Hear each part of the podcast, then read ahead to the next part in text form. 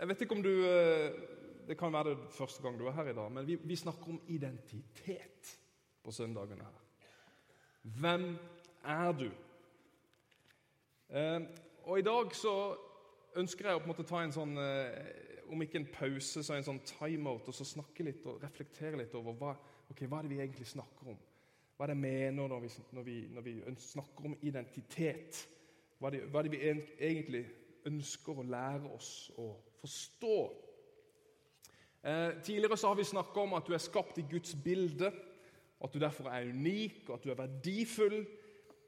Og så har du fått høre at du er et Guds barn, omringa av Guds omsorg og kjærlighet, og ikke minst hans forsørgelse. Du er jo hans barn. Og så har du fått høre at du er elska. Elska, ubetinga. Kjærlighet er over ditt liv. Gud møter deg der du er. Vi snakker om Peter. Gud elsker deg der du er, ikke der du burde vært, men der du er, elska av Gud. Og så kommer det mye mer videre framover utover høsten. Snadder, kaller jeg det på godt sørlandsk. Men hvem er jeg? Det er et av livets kanskje store spørsmål og viktige spørsmål. For svaret på 'Hvem er jeg?' Jo, det bestemmer noe av livskursen din, og for ikke snakke om det bestemmer noe av livskvaliteten din. Det svaret på hvem du er, er utrolig viktig. Fordi det er en kamp om din sanne og min sanne identitet. Og Guds ord, som vi er opptatt av i ei kirke, det er bare én av mange stemmer i livet eller i samfunnet som vil være med og definere hvem du er. Som kristne så, så tror vi at, eh, at, denne kampen om identiteten det er også en åndskamp. Det er en kamp mellom det gode og det onde. Og Denne kampen påvirker oss mer eller mindre, kommer om på hvem vi er og hva vi står i. Men denne onde djevelen han kan ikke skape noe. Men han kan påvirke det Gud har skapt for det gode. Han kan påvirke det slik at han vender det til det onde. Bibelen snakker om djevelen, at han er bare kommet for å stjele, for å drepe og for å ødelegge, står i Johannes 10,10. 10. Djevelen kan ikke skade Gud direkte, langt ifra. Men det finnes andre måter å skade Gud på i denne kampen. F.eks. hvis du har lyst til å skade meg, som eh, mest sannsynlig du ikke vil klare, for jeg er så stor og sterk. Ah. Uh, nei da. Men for å, komme, for å, skade Gud, eller for å skade meg, så kan du bare ta mine barn, f.eks. Da skader du meg. Og Sånn er det også med Gud. Og det er det djevelen gjør. Han gjør alt han kan for å skjule, for å stjele, for å forstyrre eller for å ødelegge det som Gud har skapt deg for. Om han kan få ta fra deg din gudgitte identitet og heller leve på en løgn, så har han lykkes i å skade Gud. Så hvordan får Satan Han har mange navn. Satan, djevelen. Jeg skal prøve å holde meg til djevelen. Sorry. Hvordan får djevelen meg til å leve på en løgn? Jo, han kan bruke f.eks. andres meninger om meg. Gjennom hele livet så har foreldre sagt ting til deg. Kjæresten din, ektefellen din, vennene dine, kollegaer. Og Noe av det som er blitt sagt til deg gjennom livet, det har vært sant og det har vært oppbyggende. Men kanskje har det også vært gale ting, onde ting. Ordene ligger over deg som en tung bør. Og de tyngste ordene har kanskje vært et forsøk på å forme deg i andre menneskers bilde. Du vet, mennesker, Vi mennesker vi er eksperter på å forme mennesker i det vi mener er sant om deg. Ja, det gjør vi ofte. Og Ofte så blir slike ting negativt Et Menneskers ord kan ofte føre oss på fullstendige avveier av det som Gud har i tanke for oss. Og Kanskje er nettopp dette en smerte i ditt liv. Ord som er talt over ditt liv, og du sliter med din egen identitet. Djevelen bruker også sår og smerter for å få deg vekk fra din sanne identitet. Hvis, hvis han bare kan få deg bitter. Hvis han bare kan få deg sint, full av hat, full av skam, full av skyld, da vet han at han vil få fokuset vekk fra hvem du egentlig er. Djevelen kan bruke media, kultur eller de konstante stemmene rundt oss som bombarderer oss. At ikke du er pen nok, at ikke du er like god som de andre. At du kan aldri bli som hun, eller du er ikke talentfull nok, eller i hvert fall ikke slik som han. Og Du burde jo kjøpe samme klær som han eller hun, og vi burde gjøre det samme som dem. Ja, egentlig så burde vi bli som alle andre, og i hvert fall ikke være unik. For all del, ikke være deg selv. Alle disse stemmene. Og så preger han gjerne tankene dine. Nå er det sånn at du og jeg kan, vi kan kontrollere våre tanker. Men både Gud, mennesker og den onde kan påvirke våre tanker. Flere sier det sånn at når Gud, når Gud påvirker dine tanker, da kaller vi det inspirasjon. Åh, når vi får de tankene der. Det er godt. Det, var, det er ofte gode ideer. Og når djevelen gir oss tanker, så kaller vi det gjerne fristelser. Og når vi sjøl får en egen tanke, så kaller vi det ofte for idioti. Ja. Forsøk på å være vittig. Jeg kan foreslå hva du kan tenke. Se på sidemannen din. Han foreslår gjerne hva du skal tenke om deg selv. Men det er jo sånn at du velger hvilke tanker eller hvilke stemmer du vil høre på når du skal finne ut av hvem du er. Djevelens mål er uansett å ødelegge din identitet. Så han sier f.eks.: du fortjener jo ikke Guds kjærlighet. Du er ikke god nok til å være et Guds barn. Du betyr ikke særlig mye. Du er ikke viktig. Du er verdiløs. Dette sier han til deg gjerne hele tida. Han sier at du vet den synden som du aldri blir kvitt. Den kan du aldri bli tilgitt for. Kan du det? Du burde skamme deg. Og ikke minst, du er mye verre enn alle de andre. De skulle bare ha visst. Du får det aldri til, gjør du det? Eller du er ikke åndelig nok til å tjene i menigheten. Hvem tror du at du er? Alle disse tankene det fjerner deg fra din sanne identitet. Og Den aller verste metoden som djevelen bruker i våre liv for å fjerne oss fra det, vårt sanne jeg, det er å få han til å gjenta. Han prøver å få deg til å gjenta det han har sagt. Du vet Når all denne elendigheten begynner å gå på repeat Han trenger bare å så et lite frø av en tanke i sinnet vårt noen ganger, og så er vi i gang med fordømmelsen. Jeg er verdiløs. Jeg er ikke Jeg kan ikke. Skam, skam, skam. Skyld, skyld, skyld. Og Til slutt så blir denne tanken en del av oss. Den er blitt en del av vår identitet. Og Da er det ikke bare at du er ikke god nok, men det er 'jeg er ikke god nok' eller typisk meg å være sånn. Jeg er bare sånn. Vi har mista synet for hvem vi egentlig er. Og vet du hva det verste er? At altfor mange av oss tenker sånn som dette. Det er ikke bare du, det er ikke bare meg, men altfor mange av oss, dessverre. Men hvordan, hvordan kan jeg vite hva min sanne identitet er, da? Jo, en som heter eh, Pascal, en eh, filosof, matematiker, franskmann, levde på 1600-tallet. Stein lenge siden. Han sier noe sånt. Jeg tror jeg har det på veggen her. Ikke bare har vi lært Gud å kjenne gjennom Jesus Kristus, men vi lærer også oss selv å kjenne bare gjennom Jesus Kristus. Tok du han? Ikke bare har vi lært Gud å kjenne gjennom Jesus Kristus, men vi lærer også oss selv å kjenne bare gjennom Jesus Kristus. Clever! Vi pleier å si det på norsk at vi finner sannheten om oss sjøl i Kristus. Disse ordene 'i Kristus' Hva betyr det? Jo, det, det betyr i og med Kristus. Det betyr sammen med Kristus, eller på grunn av Kristus. Det er nevnt godt over 50 ganger i Det nye testamentet, og det er det mest brukte ordet for det å være en troende eller en disippel av Jesus.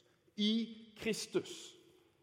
I og med Kristus, sammen med Kristus eller på grunn av Kristus så er gitt en ny identitet. 2. Korinterbrev 5,17. Et av mine absolutte favorittvers. For den som er i Kristus Jesus, han er en ny skapning. Det gamle er borte.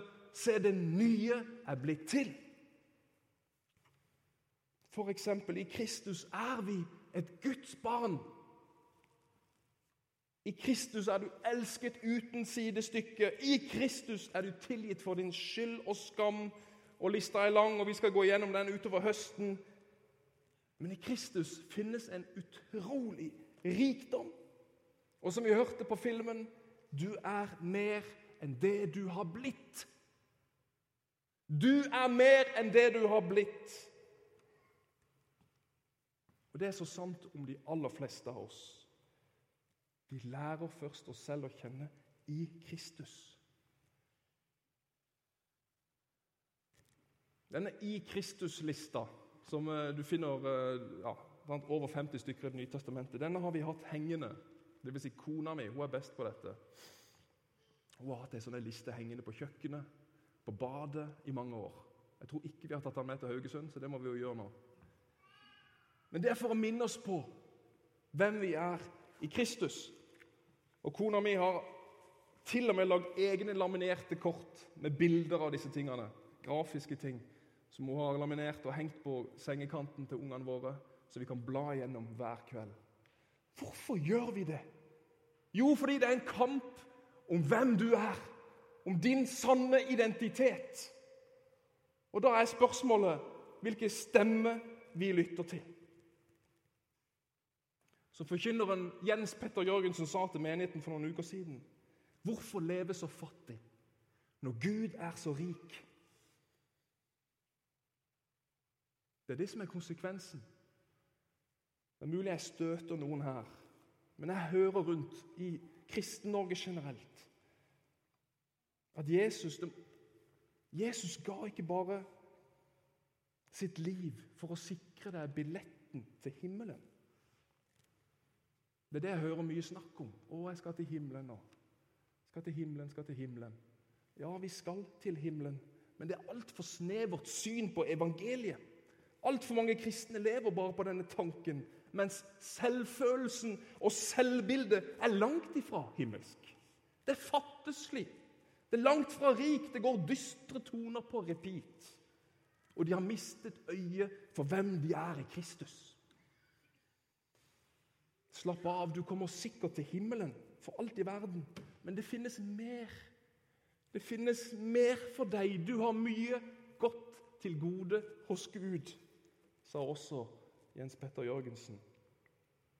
For når vi oppdager hvem vi er i Kristus, da må disse tankene om at ikke vi er gode nok, at vi er verdiløse, at vi er håpløse, skammen, skylden, tilkortkommenheten Alt må falle dødt om i Jesu nærvær.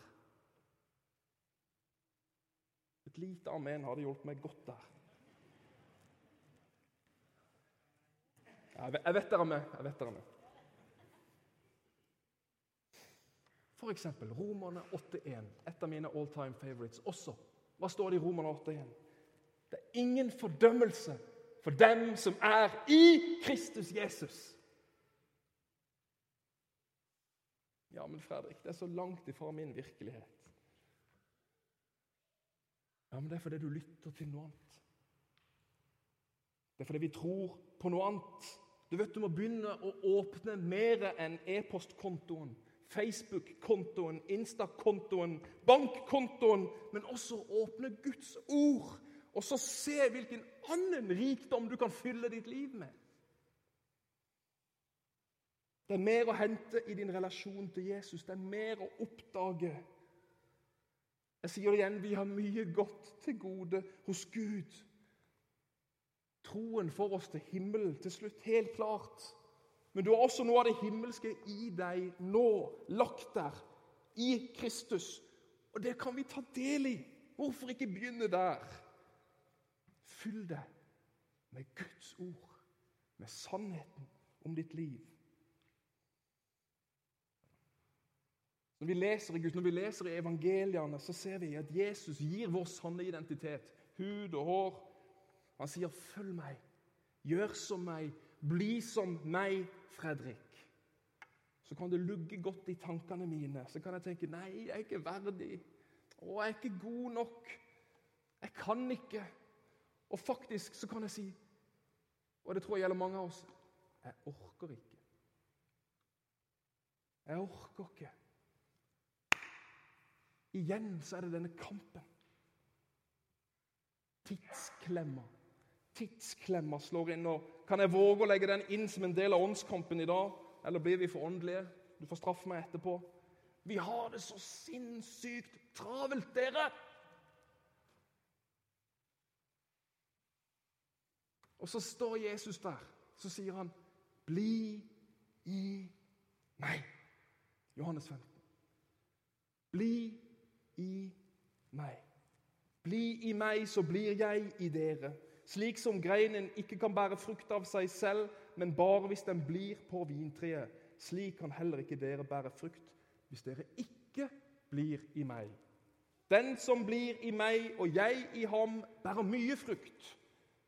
For uten meg kan dere ingenting gjøre.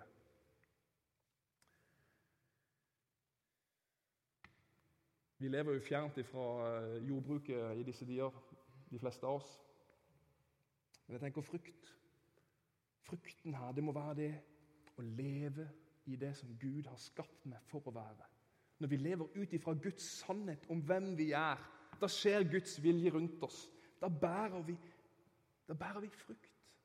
Men om vi lever på løgnen om hvem vi er, ja, hva da? Det lar jeg hengende der. Men hvorfor sier han til oss 'bli i meg for å bære frukt'? Jeg tenker at Det må jo være fordi det faktisk er lett å la være, eller det er mulig å la, å, å la være. Og Jesus visste sikkert at fristelsen ville være stor å løpe rundt uten ham. Og Jeg mener faktisk å lese i Johannes 15 at han advarer oss om å ikke bli i ham. Og Nå utfordrer jeg alle, inkludert meg selv. Har vi tid til å bli i Kristus? Til å bli i ham? Livet går i ett. Agendaen er full. Åh, enda noe å tilegne seg, liksom. Bli i Kristus. Bli i ham. Og bli og bli og bli. Det høres jo så treigt ut. Altså Hadde det stått 'rush i Kristus', så hadde det kanskje passa oss bedre. Å bære frukt ja vel, vi googler også 'hvordan bære frukt' for en rask oppskrift. Men selv Google kan ikke svare på alt. Jeg syns Rush i meg høres bedre ut. Vi vil ha raske resultater hele tida. Derfor er det også så mye enklere å gjøre tjeneste i menigheten enn å bruke tid med Jesus. Til og med menighetsaktiviteter kan drive oss vekk fra Jesus. Travelheten i menigheten den er jo enorm. Og den knebler jo ofte åndslivet, sannheten om hvem vi er, osv. osv. Jeg jobber som pastor, men mista synet av Jesus. Familien min mista synet av Jesus fordi vi ble tatt av travelheten, blant annet. Det var flere ting, men blant annet Jeg måtte slutte som pastor og ut av menigheten for å finne Jesus igjen. Ja, du kan kalle meg det var min subjektive opplevelse, og det gjelder kun dere og ingen andre. Jeg kjenner mange som har måttet ut av menigheten en periode for å finne Jesus igjen.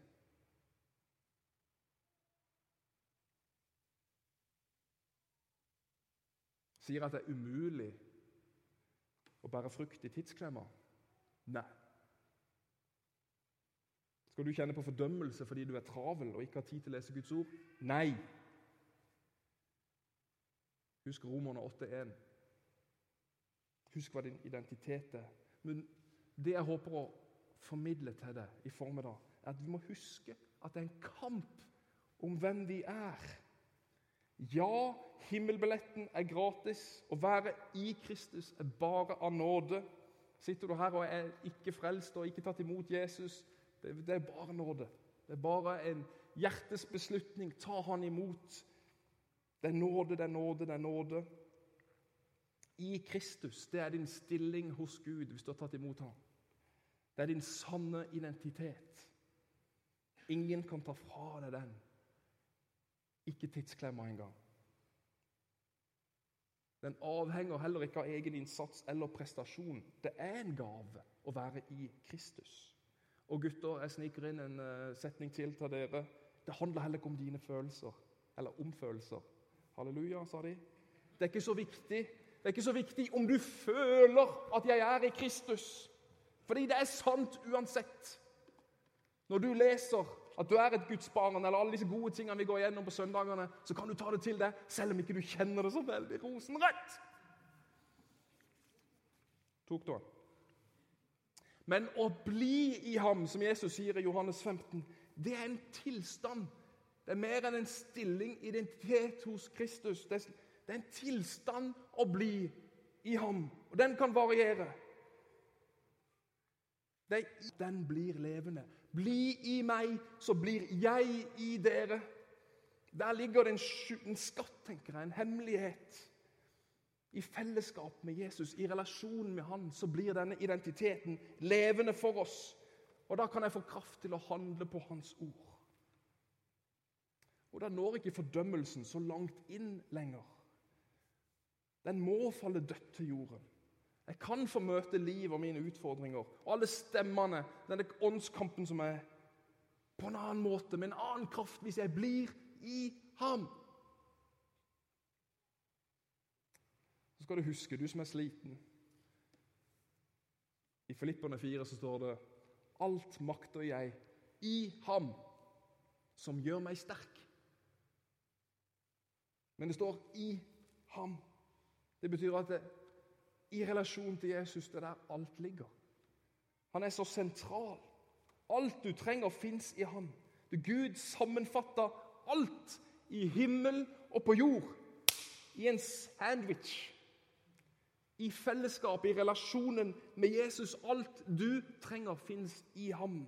Og Derfor er din relasjon så viktig, og det er derfor Jesus advarer oss. Bli i meg, for det er der rikdommen ligger.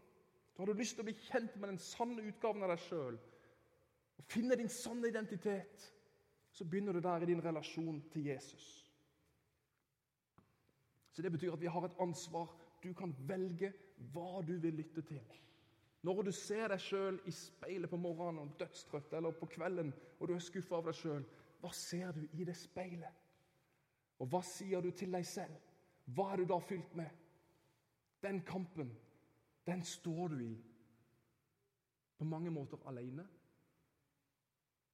Men så vil jeg avslutte med dette. Du står ikke alene, bare alene.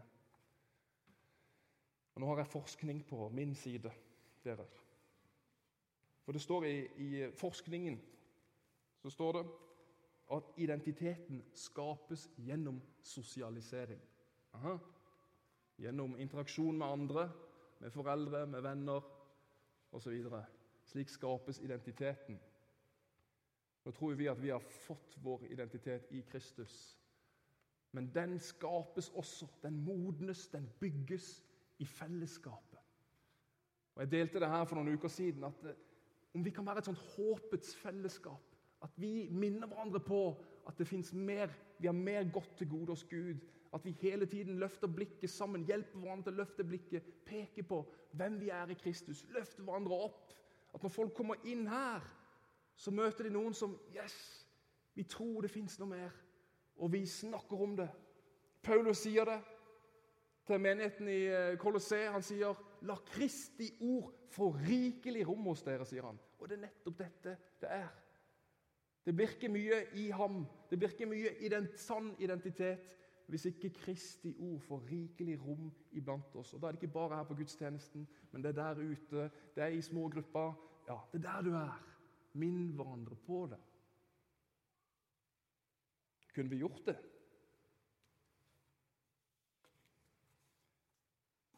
Kan vi be sammen?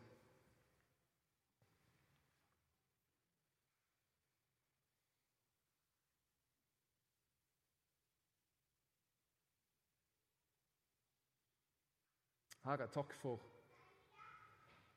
sannheten som er talt over våre liv. Takk, Herre, for at du gir oss en sann identitet. Og takk, Herre, for at det å leve med deg, det handler om mer enn himmelbilletten. Det handler også om himmelen nå.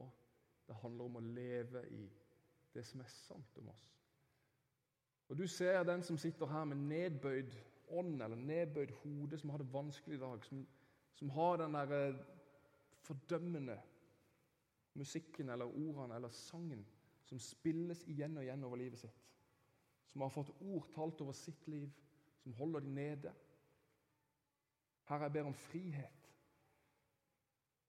Herre, jeg ber om at du kaster lys inn i mørket. Herre, jeg ber om at ditt ord skal tale, at din stemme skal lyde, og at du løser det mennesket fra depresjon, fra lav, lavt, skammelig selvbilde. Herre, jeg ber Jesus, du som kan vende det onde til det gode. Må den som kjenner seg nedbøyd i dag, bli løfta opp. Kom, Hellige Ånd. Dette er du en mester på. Kom, Hellige Ånd. Kom til den enkelte. Herre, jeg ber om at din stemme skal lyde når vi ser oss sjøl i speilet. I ettermiddag eller i kveld. Din stemme. Du skal begynne å tale inn i livet. Herre. At du skal sette mennesker fri. I Jesu navn så ber jeg om det. I Jesu navn. Kom, Hellige Ånd. Så ber jeg for oss som fellesskap at du skal hjelpe oss, Herre. Holde blikket festa på deg, slik at vi kan tale vel om hverandre. At vi kan hjelpe hverandre inn i den sanne identitet. Hjelp oss som menighet, Herre. Vi trenger deg, Herre. Vi trenger å forstå at du er alt vi trenger. Hjelp oss i tidsklemma, Herre. Hadde vi kunnet velge, så hadde jo mange av oss valgt noe annet. Men det blir liksom en del av oss. Men så har vi ikke lyst til å miste det av syne i alt. Tal til oss, Herre. Tal til oss om vi skal bremse opp, stoppe opp. Og Hvis ikke det er mulig, Herre, så må du tale til oss i bilen. På vei til og fra møter eller kjøring av unger eller hvor, aktiviteter. Tal til oss, Hellige Ånd. Kall på oss.